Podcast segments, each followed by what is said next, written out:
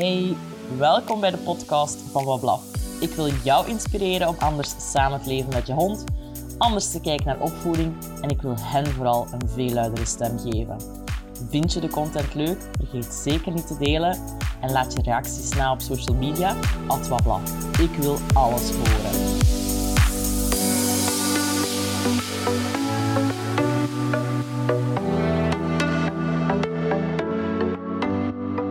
Hey, in deze aflevering gaan we praten over veilig samenleven tussen kinderen en honden. En ik heb hier Annelies van Uffel bij mij zitten. Hey Annelies. Dag Annelies. Welkom. Annelies is um, uitbater van Happy Tail. Zij geeft ook les aan Hogent, aan de Bachelors Dierenzorg. En we zitten hier vandaag ook samen omdat in uh, 2017 gaf Cindy van Dorst eigenaar van uh, Dierbare Ontmoetingen uit Nederland, gaf ze haar eerste lezing bij Happy Tail over kind en hond en het samenleven tussen die twee. Dat is nog eens teruggekomen op het uh, Friendly with Dogs congres in 2020, ook georganiseerd door Annelies van Uffel. En we vonden dat een heel belangrijk onderwerp om ook eens een aflevering te bespreken met elkaar. Annelies, vertel mij een keer, wat doet jij met Happy Tail? Wat is uw wat is uw drive? Oh, wat is een drive met Happy Tail? Bij Happy Tail is het eigenlijk vooral de bedoeling om mensen te begeleiden, eigenlijk vooral met jonge pupjes, om ervoor te zorgen dat uh, na enkele weken, maanden van zoeken soms met de pup- en de puberperiode een leuke, stabiele, volwassen huishond wordt. Mm -hmm. um, dus dat is eigenlijk een beetje de hoofdfocus van Happy Tail. En goh, ondertussen denk ik een dikke vier, vijf jaar terug uh, ben ik bij Dierbare Ontmoetingen gestart, ook met een opleiding om kind-hond professional te worden, om ons ook specifiek een beetje te focussen als er uh, pupjes in een jong gezin terechtkomen of er zijn mensen met honden die een baby krijgen om die mensen ook nog betere handvaten te geven en te kunnen begeleiden. Dus daar is dat verhaal een beetje gestart. Ja, inderdaad. Je bent zelf mama van twee. Heeft dat, ligt dat ook aan de basis, die interesse voor het samenleven tussen kinderen en honden? Goh, misschien wel. Uh, maar die interesse was er toch wel al langer. Altijd in de jeugdbeweging geweest. Alleen, nee, ik mag nu ook niet zeggen dat ik een, uh, zo een van de kinderen was die heel erg zich aangetrokken voelde tot jonge kinderen. Absoluut niet. Dat was eerder mijn zus. Ik ging altijd naar de dieren. Maar die samenleving tussen kinderen en honden en mensen en dieren gewoon in het algemeen en die meerwaarde, dat is toch iets wat mij altijd enorm, enorm ja, gefascineerd heeft ja. of geïnspireerd heeft. En dat zit nu mee in jouw aanbod of je hebt daar extra oog voor tijdens de lessen bij Happy Tail? Ja, we proberen dat zeker te doen. We proberen heel regelmatig workshops te geven voor kinderen. En er zijn ook ja, theoretische momenten bij ons of lezingen waar dat we echt ingaan op die risicosituaties tussen kinderen en honden of potentiële risicosituaties.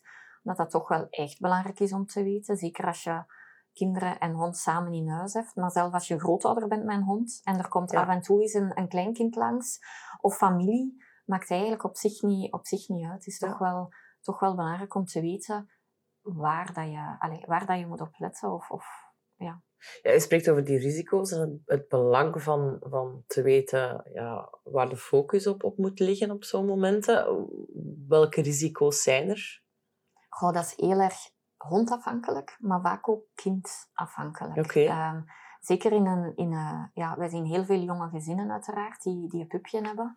En wat dat we vaak merken, en dat merk je zelf ook als ouder uiteraard, je kunt niet altijd alle ballen in de lucht houden. Nee, je kunt nee, niet... nee Annelies, dat gaat niet. Inderdaad. Je, allee, het is soms heel moeilijk om te zorgen dat je kinderen hebben wat dat ze... Allee, dat, dat je met je, de kinderen de nodige begeleiding kan geven. Laat staan dat daar dan een pup of een puber rondloopt, of een volwassen hond. Je moet ook nog eens je eigen gezinsleven of het werk erbij nemen. En soms is dat gewoon ongelooflijk moeilijk. En het is het zijn die momenten dat bijvoorbeeld gevaarlijk kunnen zijn, maar je hoeft ook Gevaarlijk niet... in de zin van er kan een bijtincident ontstaan. Ja. ja. ja. Uh, en bijtincidenten, voor alle duidelijkheid, wij zien bijtincidenten... Allee, de, de focus is hier het voorkomen van bijtincidenten. Ja. Maar bijtincidenten hoeven op zich niet ernstig te zijn. Hè. We, we hebben het zeker niet altijd over de bijtincidenten waarbij dat kindje echt moet verzorgd worden door een huisarts of eventueel naar spoed moet gewoon al een hond die moet happen naar een kind om duidelijk aan te geven van dit is mijn grens en er wordt Ja. hier over gegaan.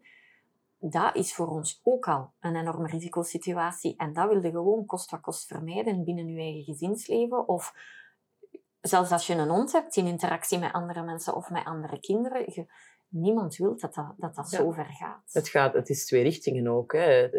Sowieso is het, een, is het een waarschuwingssignaal. Het is ook geen, geen, geen fijne situatie voor dat kind op dat moment, voor het gezin. Voor de hond kan ik me inbeelden ook geen, geen fijne situatie om in Ja. terecht te komen. Want Klopt. Iedereen is op dat moment denk ik ook wel redelijk in paniek. Ja, en heel vaak wat, we, wat leuk is aan, aan in het netwerk zitten met de kind-hond-professionals van dierbare ontmoetingen, dat is dat we ook iets meer toegang hebben tot, tot data. Dat wil zeggen, Cindy vraagt aan iedereen die de opleiding gedaan heeft voor als wij meldingen krijgen, meldingen van ja, bijtincidenten of, of ja, een dreiging tot bijten. Als wij gecontacteerd worden door hondeneigenaars, is dat dan vaak, om al die gegevens in te geven in een, in een databank. Dus Ja. we hebben wel een beetje inzicht op eh, in welke situaties gebeuren die bijtincidenten, met, welk, met, met welke honden, met welke kinderen, wat zijn de kinderen op dat moment aan het doen, hoe reageert die hond daarop. Wel een kanttekening natuurlijk, dat dat allemaal meldingen zijn van ouders die hulp zoeken, terwijl dat er nog massa's bijtincidenten zijn, die ook belangrijk, waarvan dat de data ook belangrijk is om, Maar niet om te weten, maar die, waar dat je inderdaad informatie niet van hebt. Ik ben als kind, als ik het mij herinner, twee keer gebeten of bijna gebeten door een hond. Was dat ernstig? Absoluut niet. Was dat een potentiële risicosituatie voor meer? Zeker en vast. Ik ben toch bijna mijn vinger is kwijtgeraakt. Ik heb één bijtincident gehad, maar dat was toch wel eh, met naai en bij. Ja. Ja. Voilà. En Ja. zijn, zijn de, ja, de omstandigheden waarin dat die dingen gebeuren, dat is zo belangrijk inf allee, informatie voor Ja. ons, voor een hond professional, professional maar eigenlijk evengoed voor, voor ouders en voor, voor eigenaars van honden. Ja, dat wij daar een beter beeld over krijgen van welke situaties zijn, zijn moeilijk. En dat kan voor, elk, dat kan voor elke hond anders zijn. Hè. De Ja. ene hond gaat moeite hebben met drukte. En ga, gaat dat misschien mogelijk een, een issue zijn, maar dat hoeft zeker niet bij, bij elke hond zo te zijn. Maar het is belangrijk dat je het weet van je eigen hond. Ja. Wat zijn, wat zijn de, de, de moeilijke momentjes voor mijn hond? Of wat zijn de moeilijke momentjes voor mijn kinderen? Ja. Spitsuur van de gezin, s morgens vroeg, ontbijt, de kinderen moeten klaar, hup, alles moet klaar. Hoge Ja. energie. Voilà, heel veel. Of s'avonds als ze, ja, als ze thuiskomen van school of van de hobby en er zit nog heel veel energie in. Dat zijn potentieel moeilijke situaties voor, voor een hond. Een zoon die, eh, dit is nu van de thuissituatie, een zoon die taekwondo oefent, of een dochter die continu op haar handen zit te lopen. Mijn honden keken in het begin ook een keer raar van, tja, wat, wat, wat is dit? Ja. Allee, je kunt er daar wel leren mee omgaan en je kunt je kinderen duidelijk maken van wanneer wel en wanneer niet, of een andere locatie zoeken. Het komt heel vaak neer op management, maar het is wel belangrijk dat je dat, dat, je dat gezien hebt van, oei, dit is... Dit Dit is is- iets waar ik moet op letten. Ja, Ja. voilà. En, Want dat is denk ik de grootste misvatting ook. Eh, mensen zijn denk ik banger van het feit dat hun kind gebeten zou kunnen worden van een vreemde, door een vreemde hond. Ja. klopt. Terwijl, naar, naar onze ervaring, Ja. de meeste bijtincidenten gebeuren binnenshuis. Ja. Met de eigen gezinshond. Of de hond van familie. Ja, en ik denk zelfs als we er dan cijfers mogen opkleven, nog een keer, het zijn de cijfers die verzameld zijn door de kind-hond professionals van dierbare ontmoetingen. Maar van de meldingen die daar binnenkomen, is ruim 95% met een, een hond die, die gekend is. Hè? Ja. Dus dat is de overgrote meerderheid. En niemand heeft dat incident zien aankomen. Hè? Ja, Iedereen, Zijn dat iedereen- dan incidenten waar dat de ouders bij waren? ja, heel, bij het overgrote, en ik denk dat 95 of 97 procent is van de gevallen, was er effectief een volwassene aanwezig. Of dat het dan de ouder is van het kind, de eigenaar van de hond, of Ja. alle twee. Maar ja, dus de, de tip van kinderen en honden nooit alleen laten om bijtincidenten te voorkomen, dat is een hele belangrijke, maar daarmee gaan we de alle bijtincidenten absoluut niet gaan voorkomen. We Toch hebben meer 95 nodig. niet. Nee. Dat is wel echt schrikwekkend. Als je dat cijfer hoort. Of dat percentage hoort. Ja. Want dat wil ook zeggen dat het gebeurt niet alleen vlak voor je neus. Je bent ook niet in staat geweest om tijdig in te Ja. grijpen. Ja, inderdaad. En als er één ding is dat, dat ik al de afgelopen twee jaar geleerd heb met twee hele jonge kinderen, Mhm. is dat management echt ja, een heel groot deel van ons leven geworden is. Ja, zeker. Om iedereen eh, te voorzien in zijn behoeftes, maar ook gewoon uh, veilig te laten samenleven.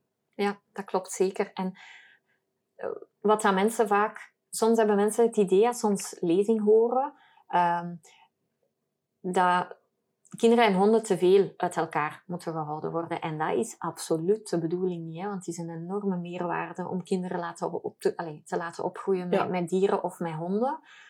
Maar we moeten er inderdaad gewoon voor zorgen, de moment dat ze interactie kunnen hebben of dat ze samen zijn, dat het dan op zo'n veilig mogelijke manier kan, eh, kan gebeuren. En op de momenten dat dat niet kan, ja, better safe than sorry. Dan Ja. zorg er inderdaad voor dat je management gaat gaat gaan gebruiken. In de zin van, ik moet beginnen koken, dus ik heb mijn ogen wel op de kinderen en de honden, maar ik ben eigenlijk niet alert genoeg, laat het maar zo zeggen. Ik ben ook niet bezig met de interactie die zij mogelijk kunnen hebben met elkaar. Dat is eigenlijk een moment dat de hond en de kinderen beter gescheiden zijn van elkaar.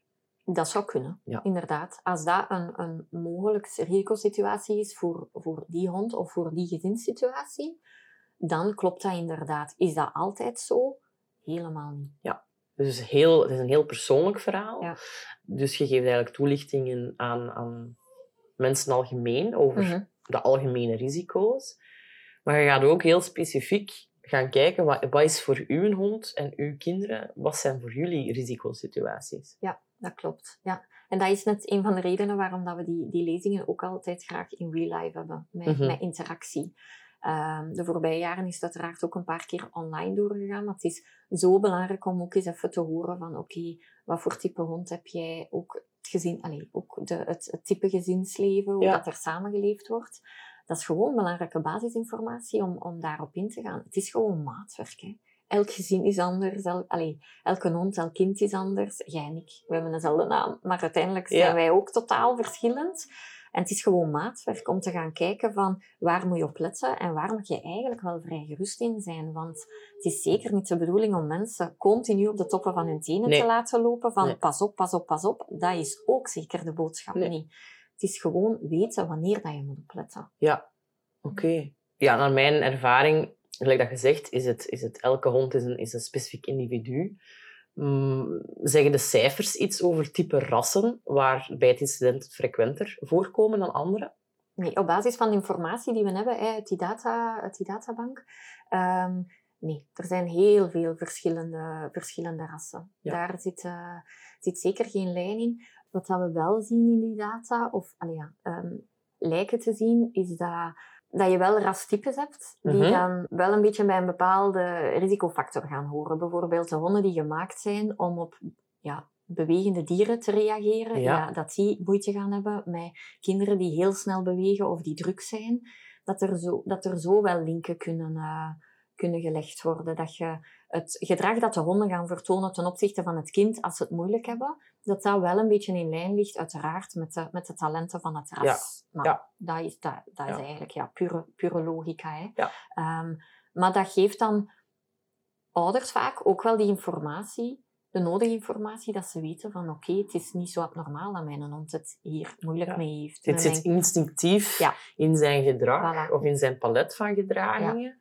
waardoor dat hij sneller triggert op zo'n Ja. situatie. Niet elke hond gaat het moeilijk hebben met kinderen die aan het voetballen zijn in een tuin of die, die ja, natuurlijk kindergedrag aan het vertonen zijn en druk zijn. Maar bepaalde types, types wel natuurlijk. En dan nog heb je ook uiteraard uitzonderingen binnen de rassen. Dus Los daarvan Ja. denk ik dat er ook veel ouders die soms moeite hebben met de drukte van kinderen. waarschijnlijk. ja. En sommige ouders dus wel inderdaad makkelijker kunnen verdragen dat kinderen veel in huis bijvoorbeeld aan het spelen zijn met eh, veel bewegen in huis. Andere ouder, ouders hebben ook zoiets van, doe dat buiten. dus ik denk dat daar ook wel al afhankelijk van wat dat je zelf Ja. als grens hebt, Ja. zal je die grens misschien ook wel wat meer doortrekken naar je hond toe. Dat zou zeker kunnen. En waar, dat we dan, waar dat dan heel vaak te weinig rekening mee gehouden wordt, is, je weet wel je grens als ouder, wat dat je Mhm. kunt verdragen en wat niet. Maar het is zo belangrijk om te kijken naar waar, dat die grens van, waar dat de grens van een, van een hond ligt. Ja. Want ze kunnen het heel mooi, heel mooi aangeven. Hè? Eh, wat dat ze wel of wat dat ze niet kunnen, of wat, wanneer dat ze aan hun limiet zitten.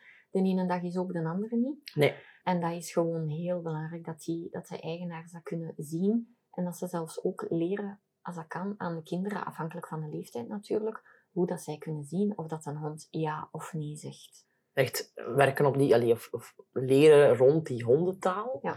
Wat dat ik heel hard gemerkt heb in mijn ervaring met de, met die jonge kindjes, is dat ehm Ralf bijvoorbeeld uit zichzelf heel mooi begrenst wanneer hij bepaald gedrag van de honden niet wil aanvaarden.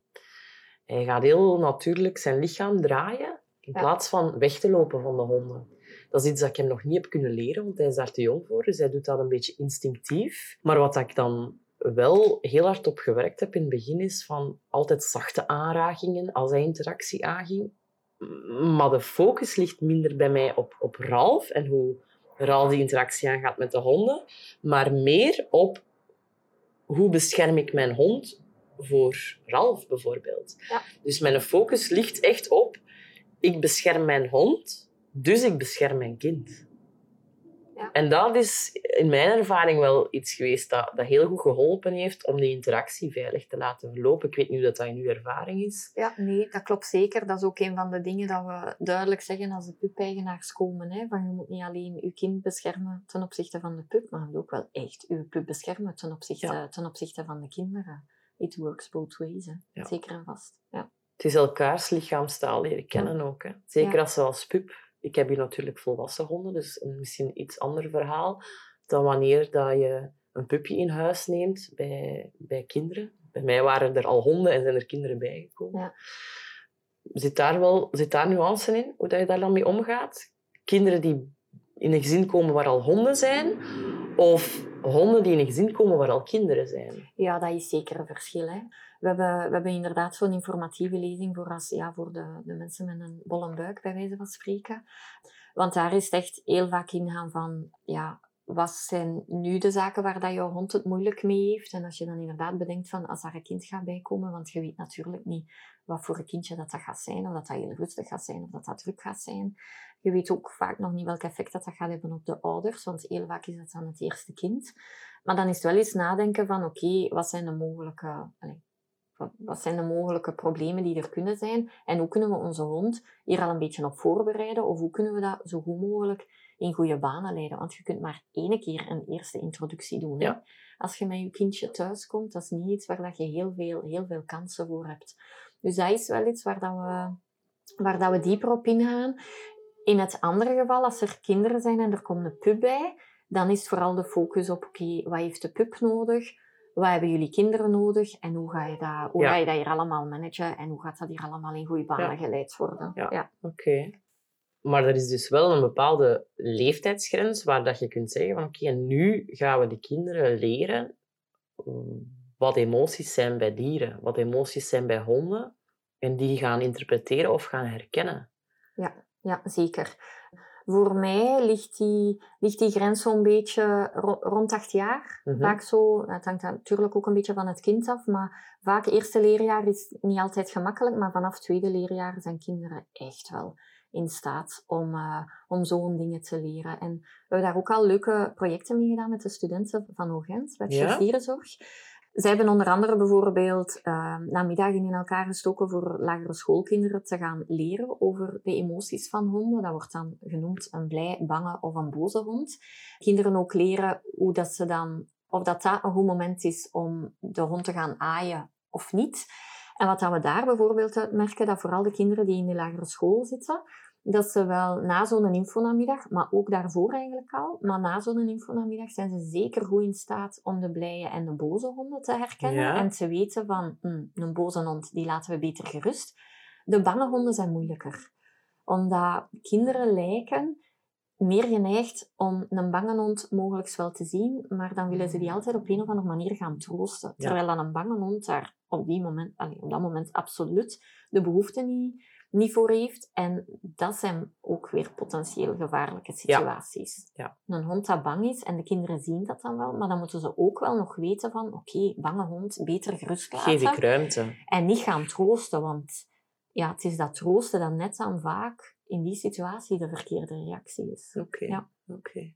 Wat zie jij vooral gebeuren? Wat zijn vooral de signalen die honden dan geven op voorhand, die, die aanleiding geven tot een bijtincident? Ja. In gezinssituaties vind ik dat dat heel vaak is dat je ziet dat de hond geen rust heeft. Ja. En een hond die, allee, dan vooral ja, in mijn geval eh, jonge honden, jonge honden die geen rust hebben, ja, dat worden gewoon die, die Godzilla-pupjes, hè, noemen wij die. Die worden, die worden druk, die worden bijterig, die, worden, die, worden, allee, die, die gaan veel meer gaan, gaan vocaliseren. Die kunnen eigenlijk met zichzelf geen weg, omdat ze, omdat, ja, om, omdat ze geen, hun uitknopje niet meer, niet meer vinden. Het gaat heel snel over tot, tot dat spanningshappen ook, Ja. veronderstel Ja, zeker ook dan het spelen met de kinderen. De kinderen willen dan spelen met die honden, maar er zit al zoveel spanning op die pup dat dat spel eigenlijk ook niet op een normale, rustige manier kan, kan verlopen.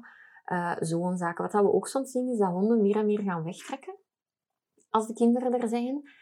Maar dan ja, zitten pupjes ook vaak met conflict. Als de kinderen dan thuiskomen, dan hebben ze zoiets van, oeh, mm, spannend Ja, ze zijn er weer, maar toch ook van, oh leuk. En ja, dan is dat de, de eerste momenten van het thuiskomen is dan ook vaak chaos en enorm druk. En dat zijn voor mij toch ook wel signalen van, mm, er zit Ja. hier een beetje zo'n intern conflict in, Ja.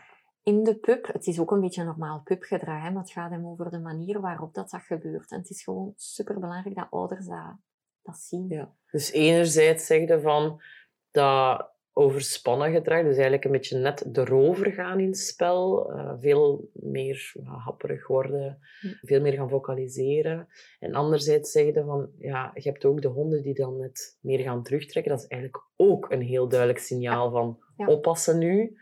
Ja. Eh, nu is het niet het moment om interactie aan te gaan. En eigenlijk heb je liever dat gedrag van een hond. Hè. Het is zo dankbaar dat een hond, voor wie dat te veel is, afstand neemt. Maar als daar niet naar geluisterd wordt, ja, dan gaat, Dan gaat je duidelijker moeten zijn. Ja. En dan zie je inderdaad. die escalatie Jammer gebeuren. genoeg wel. Oké, Ja.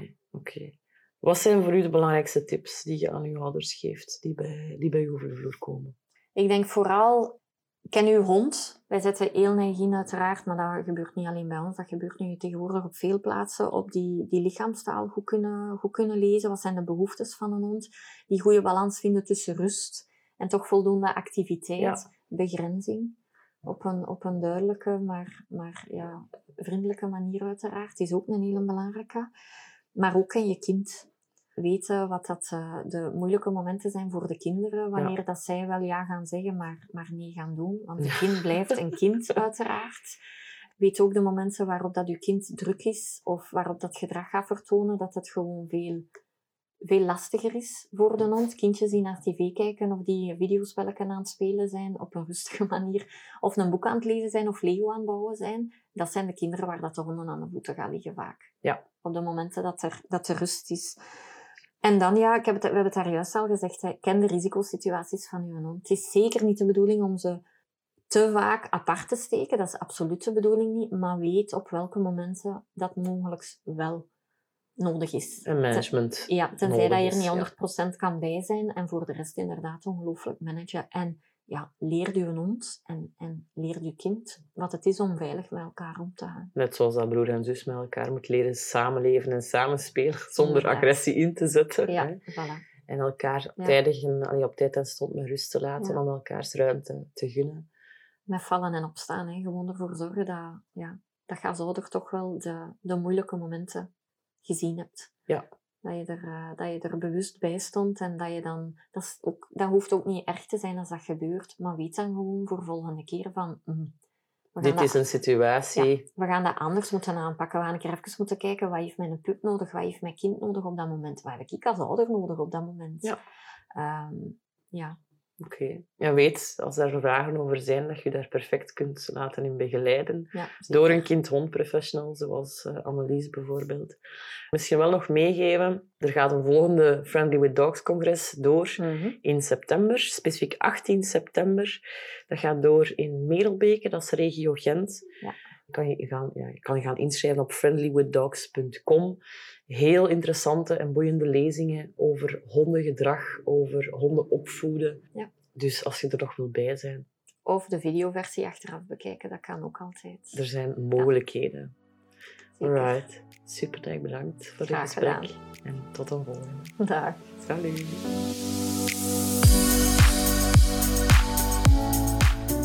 Bedankt om te luisteren. Nu nog iets meer naar onze honden en dan zijn we op weg naar een betere wereld. Salut!